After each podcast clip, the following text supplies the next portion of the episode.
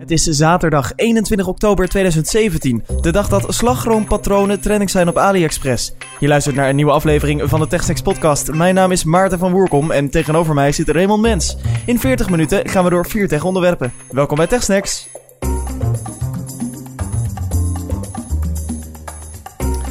Waarom zijn slagroompatronen trending op AliExpress, is de vraag. Heel Holland bakt, hè? Ik denk eerder Amsterdam Dance Event.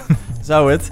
Op onze vorige uitzending is wat follow-up binnengekomen van Mark en Evelien. En Mark die had iets over Twitter waar we het over hebben gehad. Ja, ehm, we hebben het eh, daar dus uitgebreid over gehad. eh, wel in meer dan 280 tekens. eh, en daar ging het over. Mark die vraagt zich af of wij tweets hebben gezien die 280 tekens waren. Die daardoor ook echt beter zijn geworden. Hij was dat nog niet tegengekomen. Ik eerlijk gezegd ook nog niet. Maar wel andersom. Ik heb wel heel veel tweets van 140 tekens gezien. Dat ik dacht van als dit in 280 tekens kon. Dan eh, kon ik ook daadwerkelijk lezen wat je bedoelde. Want eh, sommige tweets worden dan zo volgestampt met halve zinnen en afkortingen. Dat ik denk ja, hier kan ik eigenlijk niks meer van maken. Ja. Ehm, ben jij ze tegengekomen of heb je ze zelf geplaatst? Dat je dacht ah ik heb meer ruimte. Nou, er was dus een hack binnen TweetDeck dat je een JavaScript dingetje moest overschrijven en dat je dan met 280 tekens kon tweeten. Maar werkt niet meer. Maar toen het nog wel kon, heb ik er één voor mijn werk geplaatst. Dat was een tekst die ik voor Facebook had geschreven en die paste net niet op Twitter. En toen dacht ik, ja, ik kan het nu wel gaan herschrijven en afkortingen gebruiken, maar ik kan ook gewoon een keer 280 tekens vullen. En nou, heb ik dat toen maar gedaan. Was snel klaar. Ja, ja, oké. Maar tweets die echt beter ervan worden, hij heeft wel een scherp punt, moet ik zeggen. Ja, ja, nou, ik denk dat het dus, maar daar hebben we het vorige aflevering uitgebreid over gehad, eh, dat het zeker potentie heeft. Als je daar meer over wil weten, dan moet je even aflevering 36 Yes. luisteren. Evelien die stuurde ons een vraag, die eh, had ons gehoord over eh, het televisieverhaal 4K en HDR. En eh, ze is zich aan het oriënteren op een nieuwe tv. En die vroeg zich af of een 4K of een HDR-tv nou echt een meerwaarde is. Want het is wel een behoorlijke sloot met geld meer. Dat gaat echt veel meer kosten als je eh, zo'n HDR-tv wil kopen. Um, en ze vraagt zich af of ze dat geld niet beter eh, aan iets anders kan besteden. Ja, op zich 4K denk ik wel dat je echt ook, zeker gezien de toekomst, een, in een 4K-tv investeren goed is. Maar HDR ben ik zelf ook niet van overtuigd. En zeker omdat zij zegt, het is het een enorm prijsverschil. Er is nou eenmaal niet zoveel HDR-content. Natuurlijk zijn er van die mooie filmpjes van National Geographic en BBC World. En er zijn één of twee Netflix-series in HDR. Maar ja, de NPO is net HD. Die gaan nog lang niet HDR uitzenden en RTL 4 ook niet. Nee, nee, dus... Dus ja, dat kun je dan inderdaad misschien beter aan een ja, mooie surround set besteden. Of wat, eh, wat betere speakers bij je tv of een soundbar. Ja, lijkt me ook. Lijkt me zeker, eh, zeker beter dan, eh, dan heel veel geld aan die HDR. dus ons advies 4K ja en HDR mm, nog nee. Nee. Even kijken. Maarten, jij hebt sinds kort een Apple Watch. Ja, gekkerheid hè. Ik heb, eh, Gekkigheid. En sinds we deze podcast maken heb ik jou niet kunnen overtuigen. Maar nu heb je er toch in. Ja, nee, ik heb niet de nieuwste gekocht. Ik heb ehm, een eh, oude Apple Watch overgenomen. Het is nog de, de, de klassiekertje, de eerste. Hij is van een fanboy geweest. Heel goed behandeld, weet ik toevallig. Goed behandeld. Ja. ik ben er nu, een, wat is het, eh anderhalve week, twee weken mee eh, aan het spelen. En, ehm, overtuigd? Overtuigd, als ik er 400 euro voor had moeten betalen, nee. Voor een paar tientjes, leuk. Oké. En we gaan het hier later nog een keer over hebben. Dan zal ik ook wat eh, plussen en minnen nog erbij verzinnen en even daar goed over nadenken. En dan wil ik het ook hebben over de toekomst van onze sporthorloges en smartwatches. Ja, want daar is ook al het een en ander gaande. Maar je weet nog niet dat ik... Ik had je verwacht van... Oh Raymond, je had al die tijd ongelooflijk gelijk. Dat is dus, dus niet. Ehm, nee. Oké. Ja, misschien, misschien dat je straks wel enthousiast wordt als je met je Apple Watch kunt betalen in Nederland. Dat was een scoop die ik deze week had. Even mezelf op de borst kloppen. Eh, Apple Pay is onderweg naar ING en Bank. Ja, super vet. Ik ben dus eh, sowieso al een eh, hele tijd tevreden klant van ING. Ik vind dat ze hun digitale services echt fantastisch op orde hebben. Ik ben heel benieuwd. Het, het lijkt me echt tof om met Apple Pay te gaan betalen. Er zijn nog wel wat eh, vragen over. eh, als je dit eh, nieuwsbericht, toen je dat naar buiten bracht. ehm, over het gebruik van debitkaarten. En ehm, over eventueel extra kosten. Ja. Even tussen haakjes. Wil je daar nu al op ingaan? Of gaan we... Nee. Nee. Ik wilde gewoon even mijn scoop pluggen. Oké. Ehm, Ja, en wat wel interessant is, is dat natuurlijk er zijn al langer geruchten over dat Apple Pay naar Nederland komt en het kwam nooit. Maar er zijn echt serieus aanwijzingen om te geloven dat het dit keer wel is. Want dit bericht is via mijn, de website waar ik voor werk naar buiten gekomen.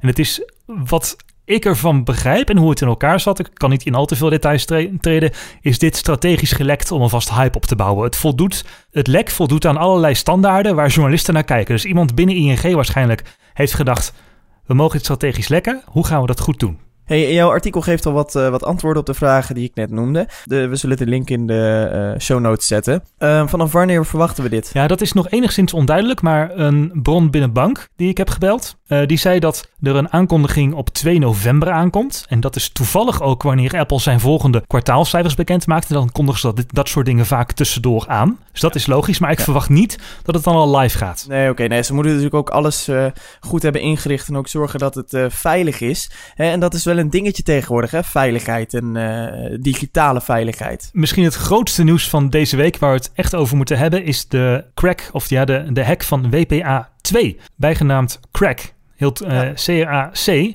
Het is eigenlijk wel, ja, de beveiliging van wifi was eigenlijk iets, daar hoeven we er niet eens over na te denken. Want sinds 2007 hebben we WPA 2 veel veiliger dan web. En ja, het was eigenlijk wel prima. Niemand, uh, niemand dacht dat het te kraken was, maar het was toch wel te kraken. De wifi-verbinding die wordt dus, als ik het altijd goed heb begrepen, wordt de wifi-verbinding versleuteld opgebouwd.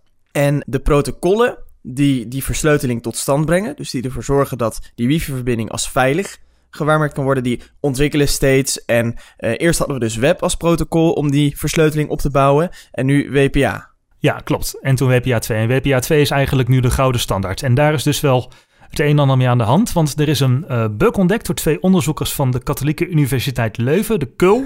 Grappige afkorting. Ja, even toch een beetje onzin. Uh, die hebben ja, die hebben best wel wat, uh, wat werk gedaan bij de keul. Het is geen keul. En die hebben een bug ontdekt en die zorgt ervoor dat aanvallers alle communicatie tussen een router en een apparaat mee kunnen lezen. Dus dat dus het is niet zeg, je kunt niet het hele netwerk aftappen. Je kunt ook niet het wifi-wachtwoord raden. Maar je kunt wel alles wat een router en een apparaat naar elkaar zenden, kun je meelezen. Dus een soort man-in-the-middle attack. Dus als ik dan inlog op internetbankieren, dan zouden ze eventueel daar wat kunnen uitvissen. Of als jij inlogt op een mailserver die niet achter HTTPS zit. Want hè, als jij een versleutelde verbinding gebruikt met internetbankieren, een HTTPS-verbinding, is je verbinding alsnog versleuteld. Alleen de wifi-verbinding niet meer. Ja, dat is waar. Dus je hebt twee lagen van beveiliging eigenlijk. Je hebt de HTTPS-beveiliging, die gebeurt standaard op het apparaat. En daarnaast is altijd de communicatie tussen het apparaat en de router nog beveiligd. Maar die schil is dus gekraakt. Dus als jij een wachtwoord gaat invullen op een site die niet HTTPS is, dan wordt het problematisch. Het is een super complex onderwerp en we hebben dit bedacht om dit even in een soort van dialoogje uit te leggen. Want uh, het is een dialoog die wordt afgeluisterd. Aan de ene kant heb je een Samsung Galaxy phone en aan de andere kant heb je een router. En daartussen zit een hacker en die doet zich binnen die communicatie, doet hij zich ook voor als router. En die Galaxy heeft dat niet door. Nou, en ik was de Galaxy. Dus ik zeg, hey router, we moeten het even over de beveiliging hebben. Ik heb deze, dit wifi-wachtwoord gekregen. Uh, klopt dat? dan antwoordt de router, die antwoordt ja, die klopt. Hè? Want, maar wat wil je als nouns gebruiken? Dat is een, een extra sleutel. Een extra sleutel om te zorgen dat de communicatie tussen de Galaxy en de router versleuteld gebeurt. Ja, dus naast het wachtwoord. Dus dan stelt die Galaxy, die stelt op de derde stap, stelt hij voor... oké, laten we 0101211 gebruiken. En dan gewoon optellen. Dan weten we beide waar, het, waar, waar we zijn gebleven. Ja, en hier komt de hacker weer in beeld. Want die hacker die luistert dit allemaal mee. En uh, die communicatie tussen die Galaxy en die router gaat gewoon door. Dus die router zegt, alright, dan hebben we dat afgesproken. We gaan die cijfercode gebruiken en we gaan het doortellen. Hier is het pakketje informatie versleuteld met de code die je net zei. Op datzelfde moment zegt die hacker die ertussen zit, die zegt: Oh, sorry Galaxy, ik heb die code niet aan me gehoord. Kun je hem nog even een keer sturen? En die Galaxy, al die andere apparaten, Macs, iPhones, etc., zijn niet um, beveiligd tegen het nog een keer uitgeven van die nouns, van die extra sleutel. Dus die doen dat gewoon. Ja, die geven dezelfde sleutel nog een keer uit. Terwijl ze dan eigenlijk moeten zeggen: we pakken een compleet nieuwe willekeurige sleutel. Want dan hebben de, heeft de kwaadaardige router een andere sleutel dan de echte router. Ja, dus die hacker die heeft nu die sleutel binnen. Hè, want die Galaxy heeft hem gewoon nog een keer uitgegeven. Want die heeft gezegd: Oh, prima router, hier, we gebruiken deze code. Weet je nog? Die hacker heeft die code. Die kan nu dus elk pakketje wat tussen de echte router en de Galaxy verstuurd wordt, kan hij nu gaan uitpakken. Want hij heeft die code. En dat is het probleem. Ja, die kan ze gewoon afvangen en dat is dus een man-in-the-middle attack. En officieel moeten apparaten dus, als er zo'n ruisje op de lijn is tussen het uitgeven van die code, moeten ze een nieuwe code gebruiken. Maar dat doen uh, Linux-computers doen dat niet. En Android-telefoons met Android 6.0 en nieuwer zijn het zwaarst getroffen. Want zodra die merken dat er iets op de lijn fout gaat, zeggen ze: Ah, maakt niet uit, we doen alles gewoon met een nul versleutel. Dus we doen allemaal 00000 als versleuteling. Dat is effectief geen versleuteling meer. Dus als jij een, een Samsung Galaxy zover krijgt om een uh, storing te laten optreden tijdens het communiceren van die nouns, van die uh, unieke code, dan gaat hij gewoon zeggen, ja, was te moeilijk, we doen wel gewoon 0000. Uh, Linux-computers, die sturen de code braaf opnieuw. En wat wel grappig is, Apple en Microsoft, die zijn eigenlijk een beetje veiliger. Maar dat komt door hun eigen domheid. Die hebben namelijk een foutje gemaakt bij het implementeren van die stap 3. Als er een probleem is bij het uitgeven van die code, dan beginnen ze helemaal weer bij stap 1. Ah, dus dan gaan ze weer opnieuw. Waardoor er wel een unieke code wordt gegenereerd. Dus daardoor ben je als Apple of Microsoft gebruiker niet kwetsbaar. Eh, maar het is eigenlijk meer een, ja, een foutje wat nu toevallig goed uitpakt. Oké, maar wat is nou precies het risico hiervan? Want we hebben nu dus een minder goede versleuteling. Of eigenlijk helemaal geen versleuteling meer. En mensen kunnen dus al die pakketjes aftappen. Is dat nou zo ernstig? Wat kan er, kan er allemaal in zo'n pakketje zitten? Ja, gewoon je hele communicatie. Dus alle communicatie tussen het apparaat en de router. Dus als jij een foto naar uploadt naar een website die niet over HTTPS versleuteld is, dan kan die kwaadaardige meeluisteraar gewoon je foto aflezen. Chat jij op een app die niet beveiligd is, dan kan die je chatgegevens meelezen. Uh, log je in op een e-mailserver, het is vooral vaak bij pop-e-mail en IMAP-e-mail, die servers zijn vaak niet versleuteld. Dus jouw gebruikersnaam en e-mailwachtwoord gaan onversleuteld over die lijn. Dus het is echt dat een van de twee lagen van beveiliging waar een verbinding normaal tussenop is gebouwd. Dus je hebt de beveiliging op de router zelf in de verbinding. Dat is die WPA-beveiliging. Je hebt natuurlijk gewoon de HTTPS-beveiliging van het internet. Nou, die HTTPS-beveiliging is er nog steeds. Dus zolang je alleen maar internet bankiert en WhatsApp gebruikt en iMessage gebruikt, is het veilig. Maar zodra jij niet over een versleutelde verbinding communiceert, ligt het allemaal open op straat.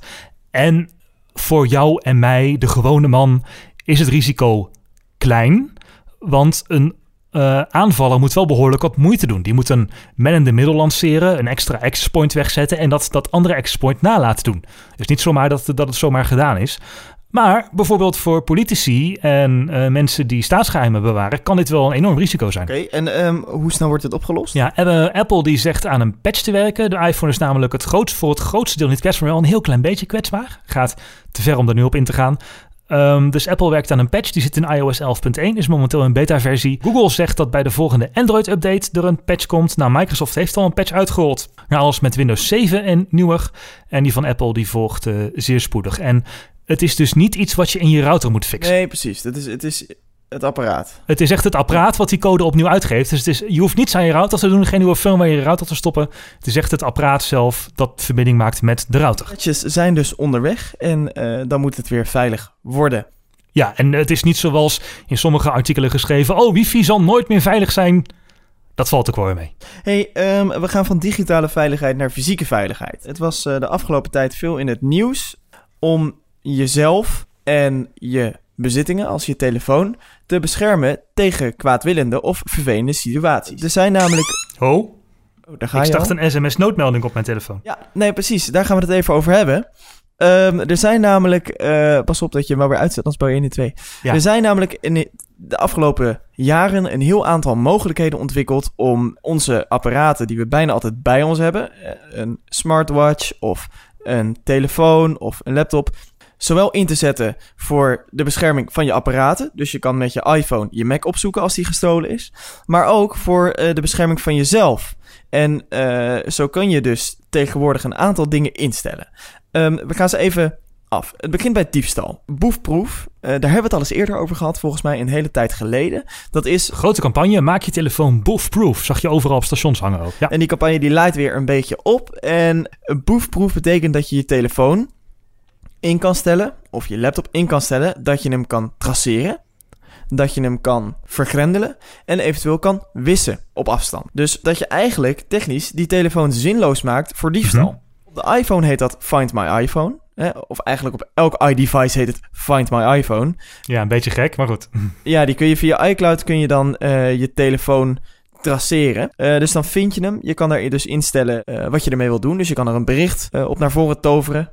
Uh, je kan hem dus vergrendelen en wissen. Op Windows kan dat ook. Want dat van mijn iPhone, dat, dat zit vrij geïntegreerd in het starten van je iDevice. Maar bij de andere apparaten is dat wat minder goed te vinden. Dus uh, wij vonden het zinnig om daar even wat aandacht aan te besteden. Bij Windows uh, en de Microsoft Phone, dus de Windows Phone, daar zit het ook gewoon in. Dan moet je naar de instellingen gaan en dan moet je de functie Mijn apparaat zoeken, moet je aanzetten. En dan kun je via account.microsoft.com slash devices, kun je, nou, net als Find My iPhone, je laptop of je Windows Phone traceren. Op Android kan het ook. Dan ga je naar de Android uh, apparaatbeheer, dus gewoon uh, de instellingen daar. Dan ga je de opties de locatie van dit apparaat op afstand bepalen en op afstand vergrendelen en wissen toestaan. Kun je aan of uitzetten, dus daar kun je dat ook gewoon instellen. Ik wist helemaal niet dat het ook op Windows en Android zat. Ja, dan kun je dus via je Google-account kun je gewoon je telefoon uh, traceren via Google. Dus boefproef maken van je telefoon en je laptop is heel erg zinnig. Want de politie kan sneller eventueel dieven pakken. Die campagne uh, die leidt nu weer op omdat de politie op YouTube ook een aantal filmpjes heeft gezet met voorbeelden. Dat als jij je nou, van mijn iPhone aan hebt staan, dan kun je dus als op het moment dat je uh, gerold bent en je hebt dat door, kun je direct inloggen op een computer of je inloggegevens aan de politie geven. Dan kunnen zij inloggen en dan kunnen ze eigenlijk ja, live zien waar de boef loopt met die iPhone. Die boef in de kraag vatten, jij je telefoon terug en de boefster verdient loon bij de politie. Dus dat is ja, Win-win. Ja, en daar komt ook dat codeslot bij natuurlijk. Dus als jij je Apple ID wachtwoord niet weet, kun jij nooit iets met een telefoon die vergrendeld is via dat Find My iPhone doen. Nou ja, je kan dus uh, op Android kun je dus op afstand uh, de telefoon ook helemaal vergrendelen. Dus dan kun je er nog niks mee. Oké, ja. Uh, dus dat is over de veiligheid van je devices. Maar misschien nog wel belangrijker is de veiligheid van jouzelf. Ook op alle telefoons, de meest gangbare telefoons, kun je tegenwoordig een medisch ID instellen. Um, daar is al best veel aandacht aan besteed, maar hij verplaatst nog wel eens in de instellingen. En het is zelfs zo dat data nog wel eens verdwijnt op het moment dat je je telefoon update. Dus je medische ID kan iemand vinden um, op het moment dat je jouw iPhone pakt en hem probeert te openen. Dat lukt niet, dus dan krijg je dat, eh, want het is niet zijn iPhone, maar die van jou. Dan krijg je dat uh, invoerscherm voor de code en dan kun je op noodgeval tikken. En dan vind je links onder de knop medisch ID en daar staat dan alles in wat je hebt ingevoerd. Dus uh, je kan medische aandoeningen noemen, medicijnen, bloedgroep, gewicht, lengte, maar ook SOS-contacten. En die zijn vaak heel prettig voor hulpverleners om te hebben. Ja, je moeder of je vader of je partner. Ja, of je huisarts bijvoorbeeld, kan daar ook. Oh ja. Hm. Ik heb het zelf ook wel eens gebruikt bij iemand uh, om uh, familie te bellen. Oké. Dus hm. dat is echt een handige functie. Op Android zit het ook, maar dan zit het weer een beetje verstopt. Voorheen kon je via de Dialer app, dus de telefoon app, kon je uh, een groepje aanmaken uh, in case of emergency. En die verschenen dan, dan verscheen er ook een uh, zo'n zo'n ja, soort van knop op het ontgrendelscherm op het moment dat iemand je telefoon pakte. Nu zit dat verstopt onder de instellingen. Dan moet je naar instellingen, naar het kopje gebruikers en dan de informatie bij nood. Dan krijg je dus meteen de mogelijkheid om een soort medisch ID wat je kent van de iPhone uh, in te stellen. Dus dan kun je de ja, gegevens over jezelf instellen. En ook weer je contactpersonen. Maar daar moet de telefoon dus wel voor ontgrendeld zijn, begrijp ik. Nou, om dit, om dit in te stellen. Ja, dat is bij je okay. iPhone ook zo. Je medisch ID vind je op je iPhone overigens uh, tegenwoordig onder gezondheid. In de gezondheid. In die ja. gezondheidsapp. En dan uh, onderin de meest rechter optie. Um, dus voor het instellen wel, maar voor als je dat eenmaal hebt ingesteld, dan verschijnt dat ook gewoon op het ontgrendelscherm. Net als op de iPhone. Okay, ja. Wat relatief nieuw is, dat is de SOS noodmelding. Uh, jij liet het alarm, ja, je liet het alarm al even horen. En daar hebben de fabrikanten er verschillende uh, varianten van gemaakt. Op de iPhone uh, moet je dit instellen via de instellingen. Um, hoe je de wil dat die SOS-noodmelding zich gedraagt. je activeert de SOS-noodmelding door vijf keer op de aan- en uitknop te drukken. Op dat moment gaat er een alarm af. Nou ja, je hoorde het al even. Dat klinkt zo. En dan belt hij, dan telt hij af, 3, 2, 1, en dan belt hij automatisch 112.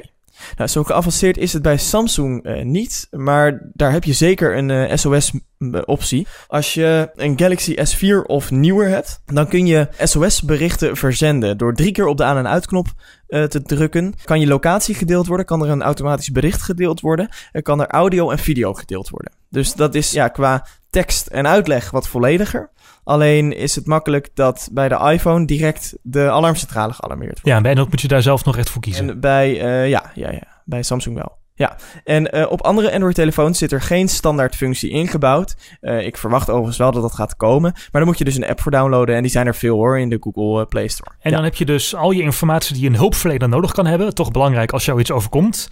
Heb je eigenlijk in je iPhone zitten. Ja, dus dat is in je medisch ID. Tenminste, de basis. Hè. Ze zullen nog zeker meer vragen. Ja. Uh, maar als je je, je, portemonnee een keer niet mee hebt of zo. Dan is het best handig om die telefoonnummers bij de hand te hebben. En om wat informatie over jezelf eh, daarin te hebben staan.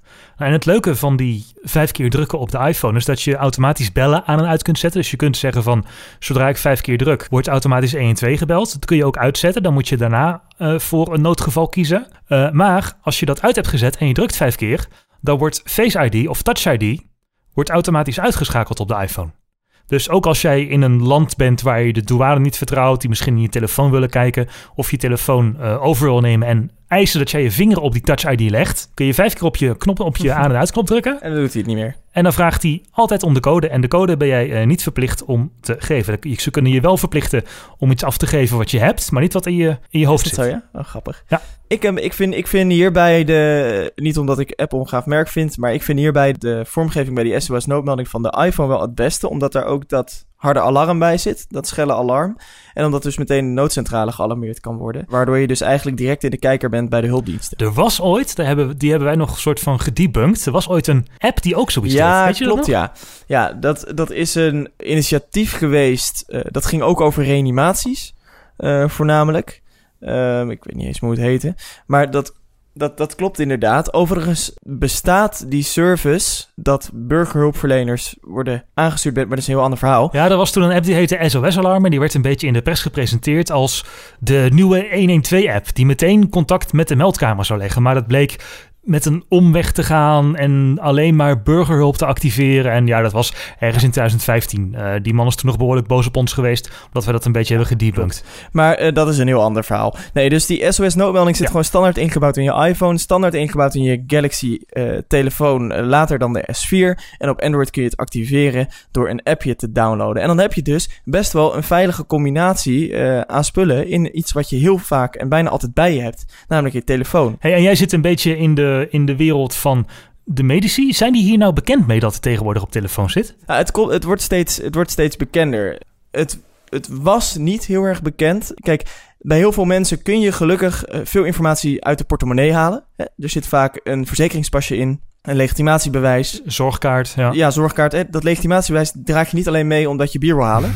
dat is uh, eigenlijk nog veel belangrijker op het moment dat je iets overkomt. Dat is echt heel handig. Ja, wat, waarvoor ik het wel eens gebruikt heb op, op evenementen is uh, om een telefoonnummer van iemand snel te zoeken. Dat was iemand, bijvoorbeeld een, een, broer gebeld moest worden om zijn iets wat dronken uh, broer op te halen. Iets te dronken broer, ja. Iets te dronken broer. En uh, die had in zijn medisch ID dat nummer staan, kwamen we achter. En uh, zodoende hebben we die kunnen bellen. Want hij vond het zelf erg lastig om een nummer op te zoeken. Misschien wordt tijdens het Amsterdam Dance Event ook wel gebruikt. En het is natuurlijk goed om te weten dat ook de hulpverleners die informatie steeds beter weten te vinden.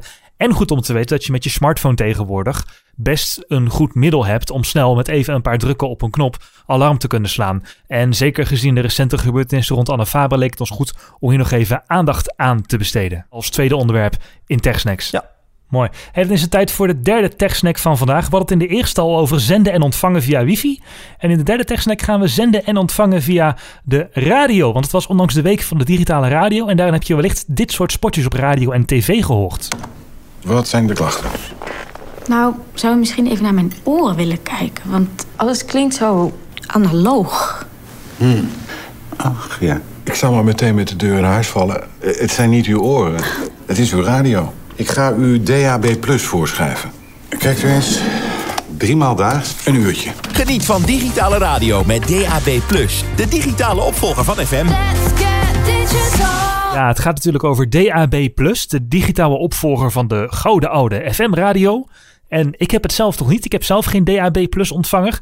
Maar in steeds meer nieuwe auto's zit het wel. En jij hebt het al, hè, Maarten? Uh, in mijn, uh, is het wat? Ja, nou, dit is dus echt een enorm verschil. In het begin ik wist niet zo goed wat ik ervan moest verwachten. Maar ik heb in mijn auto ingesteld dat die automatisch overschakelt naar FM... op het moment dat DAB Plus niet bereikbaar is. Want het is niet overal uh, altijd even goed gedekt bij, bij de parkeergarage. Dan gaat hij over op FM. Maar je hoort echt een enorm verschil. Toch wel? De DAB Plus is echt een stuk helderder. Uh, een stuk minder alsof je met een uh, muts over je oren zit te luisteren. Hmm. Het is uh, ja, gewoon echt een stuk beter geluid. Nou, we hebben het een jaar geleden, toen het ook de week van de digitale radio was, al eens gehad over DAB Plus. Toen ging het nog niet zo heel goed met de adoptie. Het stagneerde een beetje, maar het gaat dit jaar een stuk beter. Want alle landelijke radiozenders hebben inmiddels één of meerdere DAB-kanalen in de lucht. En in Europa zijn het afgelopen jaar 30% meer DAB-radio's verkocht dan in 2016. En in Nederland gaat het ook best goed, want één op de drie autoradio's heeft inmiddels DAB+, van de nieuw verkochte auto's. Je hebt daar er dus één van. En 13% van de Nederlanders luistert ook via DAB+. En dat zijn ruim 2 miljoen mensen. Het bereik is verdrievoudigd sinds 2015, maar de meeste mensen luisteren nog steeds via de ouderwetse FM-ether. Die is nog 52% eh, beschikbaar en de rest doet streaming of kabel.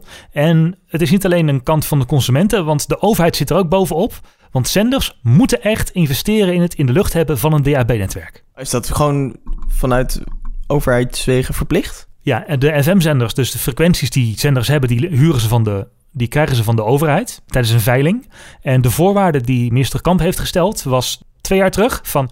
oké, we verlengen het precies zoals het is nog voor vijf jaar. Maar de voorwaarde is dat jullie wel in DAB gaan investeren. Dus er komen er geen nieuwe biedingsrondes en weinig veranderingen in de markt. Maar gewoon de verplichting om een DAB te gaan investeren werd uh, als voorwaarde gesteld om die frequentie nog vijf jaar te verlengen. En dat is uh, gedaan.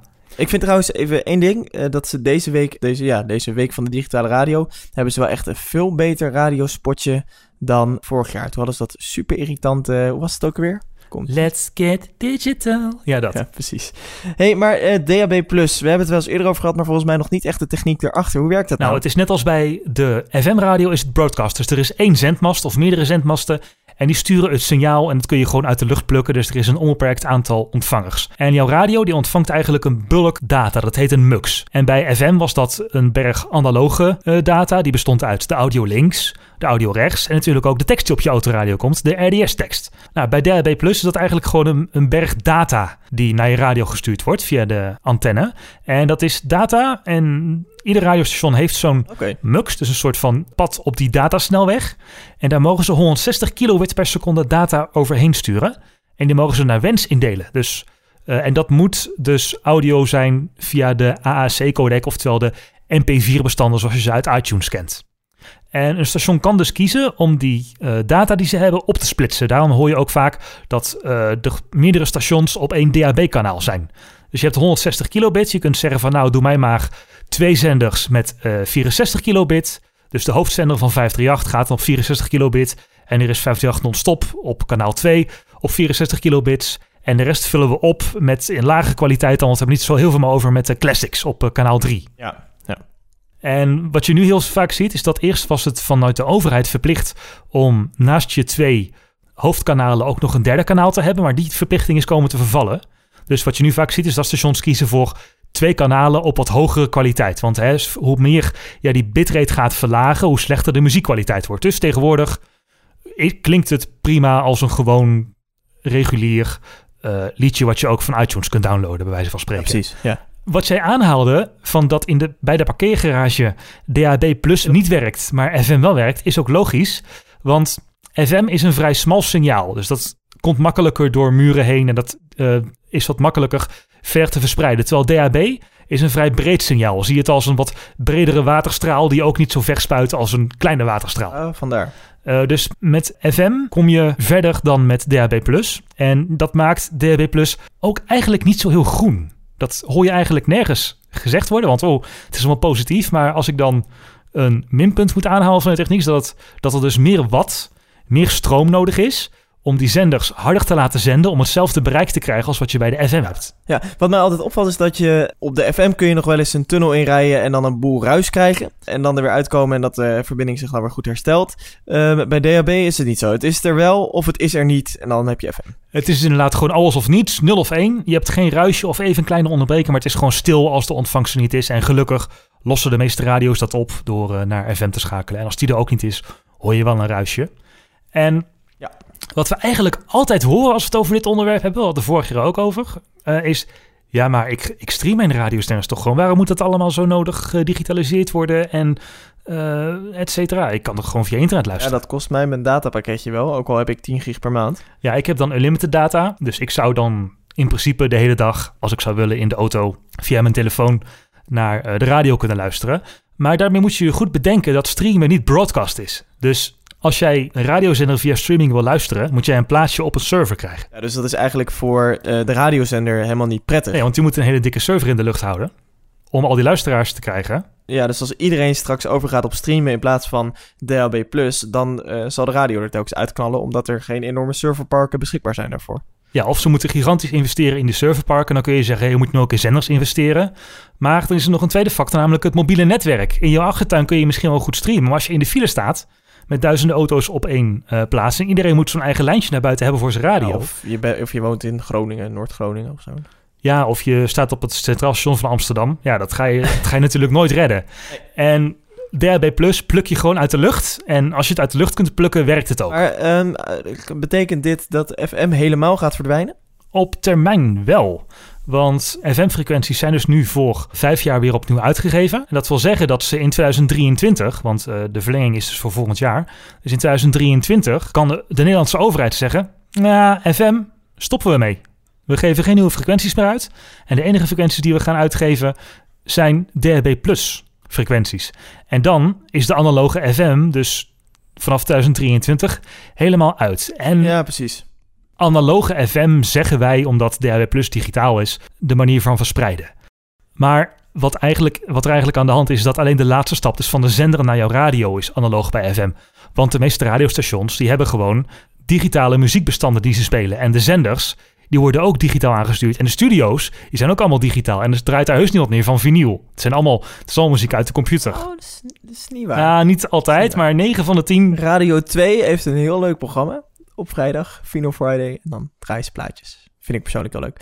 Maar uh, nee, nee je, hebt, je hebt helemaal gelijk. Ook die, die, dat analoge geluid gaat natuurlijk weer via een glasvezelkabel naar een zender. Je hebt helemaal gelijk. Hey, um, ik denk dat er één sector ontzettend blij is uh, als we helemaal overgaan op DHB+. En dat zijn uh, de audiowinkels, de hi-fi zaken en de mediamarkten... die dan, denk ik, massaal DHB radio's gaan verkopen. Ja, want dan komt echt de grote klap. Als je je radio aanzet en er komt alleen maar ruis uit... omdat FM uit is, dan denk je toch van potverdorie ik moet een nieuwe radio gaan kopen. En dat was in Noorwegen, gaan ze de FM-zenders dit jaar al uitschakelen. En daar zie je ook dat de radioverkoop uh, geëxplodeerd is. En het enige wat daar lastig was, was dat niet alle autofabrikanten zomaar een nieuwe autoradio in je auto kunnen zetten. Want in de auto was het nog best wel een probleem. Oh ja.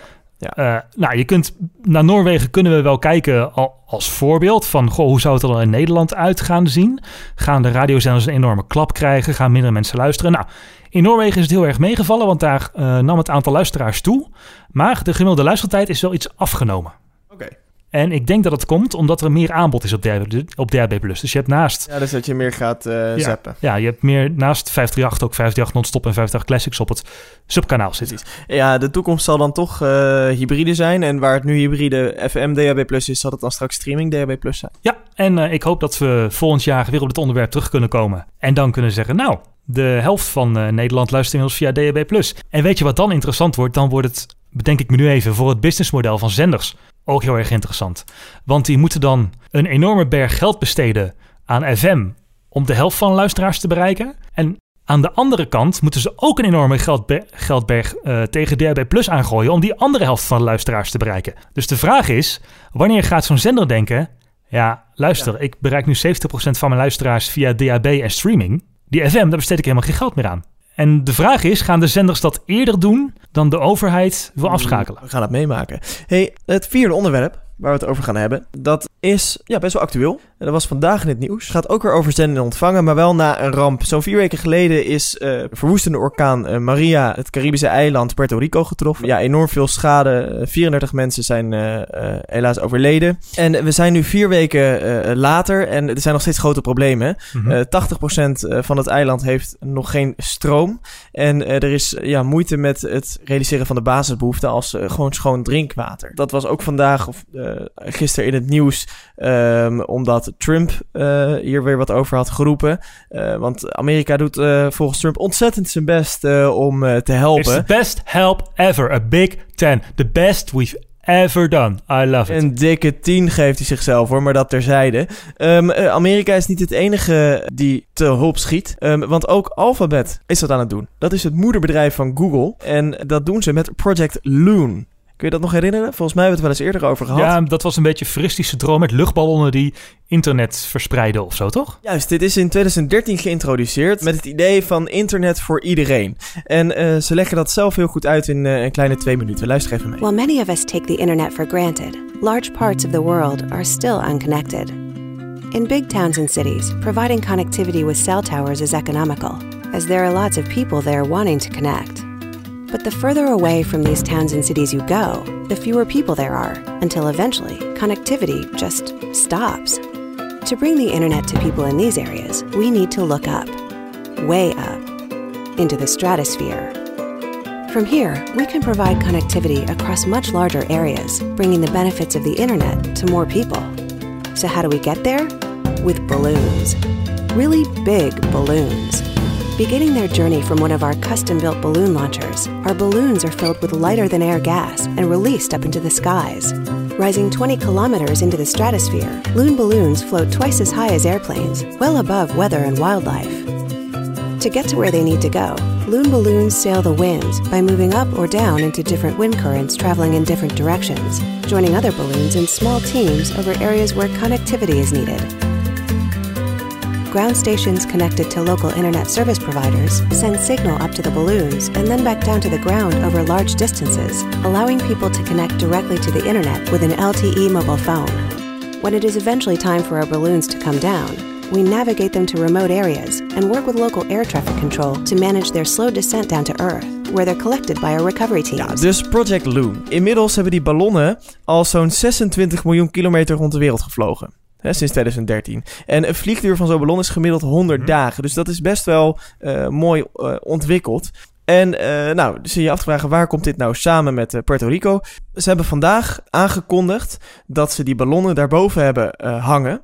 Samen met AT&T hebben ze dat voor elkaar gekregen om te zorgen dat er een LTE-verbinding op dat eiland beschikbaar komt tijdens de dag. Dus s s'nachts kunnen ze dat nog niet realiseren, maar overdag wel. Dus dan kunnen mensen daar weer bellen en eventueel contact leggen via internet. En dan zou je kunnen denken, ja, als je geen drinkwater hebt, is dit dan wel zo belangrijk? Ja, Denk maar even terug aan eh, de ramp op Sint Maarten enkele tijd terug. Daar zat een hele tijd iedereen in een soort van ja, stress en met vragen, omdat er geen communicatie op dat eiland mogelijk was. Dus ook voor het tot stand komen van hulp en het realiseren van hulp en het eh, wederopbouwen van voorzieningen om drinkwater te realiseren, is communicatie heel Ja, belangrijk. je zult toch uiteindelijk tegen iemand die hulp moet komen zeggen van... Goh, hoe laat zijn we daar? Wat moet ik meenemen? Waar moeten we rekening mee houden? Eh, ja, gewoon communiceren. Het kan, hulp kan veel efficiënter geboden worden op het moment dat je goede communicatie hebt. En daar draagt Google dus aan bij met die Project Loon ballonnen. Die LTE verbinding, daar kun je dus over bellen en daar kun je eh, in principe ook over internetten. Ehm, en die ballonnen die brengen ze dus nou ja, hoog in de lucht en die proberen ze dan in een zwerm daarboven te laten hangen om te zorgen dat die verbinding tot stand komt. Ze hebben dat met heel veel partners hebben ze dit gerealiseerd, want je, hoorde al dat er dus stations beneden op, op het land moeten staan om die verbinding tot stand te brengen. Ja, het is overigens de tweede keer dat in een crisissituatie dit project Project Loon eh, ingezet wordt. Begin dit jaar eh, waren er overstromingen in Peru. En die ballonnen die vlogen daar al vanuit de trials die Google zelf aan het doen was. En nou ja, en die case hebben ze gepakt en ze hebben in no time... eh, dit is de snelste uitrol van een Project Loon project geweest eh, die ze tot nu toe gedaan hebben. Eh, want je, je moet je voorstellen dat als je die ballonnen daar eh, naar omhoog wil hebben, dat je dus ook met de luchtvaart rekening mee moet houden. En met, met het weer en met de lokale. Je moet, je moet iemand hebben die die verbindingen gaat regelen. Dus met ATT. Ehm, dus je moet met heel veel schakels, met heel veel instanties schakelen. En dat hebben ze dus heel snel gedaan. En hebben ze nu dus die ballonnen daar hangen. Werk hoor. Ik zat hier even verder over na te denken. En stel nou dat Google het lukt om een steady zwerm aan ballonnen op dit soort, ja, misschien wel zelfs wel op risicogebieden, om ze al daar preventief te hebben hangen. Op gebieden waarvan je weet dat er veel orkanen zijn en waarvan je weet dat nou, technologische voorzieningen op het, eh, op het land niet altijd eh, het nieuwst zijn of eh, hè, niet heel steady zijn, niet heel betrouwbaar zijn, zeker in een crisissituatie. Zou, je, zou dat de toekomst zijn? Dat we dus overal die ballonnen hebben hangen. Behalve het, het filantropische idee van iedereen internet geven, vind ik dit eigenlijk een veel sprekender en eh, concreter voorbeeld. Nou, het is toch gewoon mooi dat er mensen zijn en bedrijven zijn die zo ongelooflijk gruwelijk veel geld hebben. Denk ook aan Elon Musk bijvoorbeeld. Dat die gewoon dit soort dingen gaan doen. Dat het uiteindelijk ook echt werkt. Dus zat ik een beetje na te denken van... Goh, wie had dit nou ooit bedacht dat we met een ouderwetse techniek als een luchtballon... die aangestraald wordt door een satellietzender... en 100 dagen in lucht kan blijven internet naar de grond kan trekken. Eh, dat is wel een van de mooiere dingen aan 2017. Dat we bedrijven en mensen hebben die gewoon geld en ideeën hebben en dat ook gewoon gaan doen. Ik ben heel benieuwd hoe we dit in de toekomst eh, gaan zien. Nou, je kunt natuurlijk, je kunt natuurlijk twee kanten op. Hè? Je kunt het internet, daar zijn we steeds afhankelijker van. Dus je kunt voorzieningen gaan bouwen om het internet ook in noodsituaties te kunnen bereiken.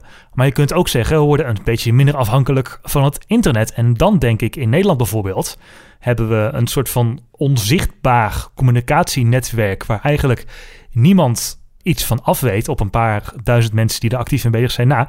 En dat zijn de radioamateurs. Papa Alpha 2350. Over. ja. Die bouwen enorme verbindingen op. Bestaat dat nog, ja? Dat zijn nog hele actieve groepen. Ze zijn vaak al 60 plus. maar dat zijn hele actieve groepen. Ehm, en die bouwen met binnen no time. Met repeaters doen ze dat. We hadden het dus over DHB plus en FM. En dat FM een heel smal signaal was. Maar dat wat die radioamateurs zijn is nog een veel smaller signaal. Dus het komt met één zender. Kom je zo een paar honderd kilometer verder. Oké. En dat kan ook wel uh, als in Nederland echt de pleuris uitbreekt. Die zenders zijn vaak niet afhankelijk van internet. Die worden gewoon met een ouderwetse microfoon gevoerd. Uh, ja, daar zou je ook naar terug kunnen stappen natuurlijk. Maar dan wordt het wel moeilijker om met massa te communiceren. Dus dat zijn eigenlijk de twee opties die we nu hebben inderdaad. Van, goh, gaan we terug naar de ouderwetse analoge verbindingen... die dan via zenders opgebouwd worden? Of gaan we, zo'n, of gaan we zorgen dat het internet snel stabiel in de lucht is te krijgen? En ik denk dat dat laatste natuurlijk, gezien het toch maar doorgaat met de, met technologische ontwikkelingen... dat het internet stabiel in de lucht brengen wel de weg forward is. Heb jij daar nou ook een mening over? Um, dan zijn we er heel benieuwd naar. Dus laat dat weten via technics.nl en uh, druk dan op de knoppen rechtsbovenin. Reageer op de uitzending. Ja, en gewoon advies aan ons vragen over technische zaken mag ook. Zoals Evelien heeft gedaan. Die heeft via technics.nl ons om advies gevraagd over 4K en HDR en tv. Dat mag zeker. Zekers. En dan rest mij nog maar één ding. Dat is onze sponsor bedanken. Dat is NoDots. www.nodots.nl. Ze houden zich bezig met webhosting, webdesign en ook steeds meer met weboptimalisatie. Uh, nou, ik vertelde net al dat je kan reageren op de uitzending. Maar je kan ons ook vinden op social media. TechStacksNL op Twitter. En Techstacks Podcast op Facebook. Uh, bedankt voor het luisteren. En tot de volgende keer.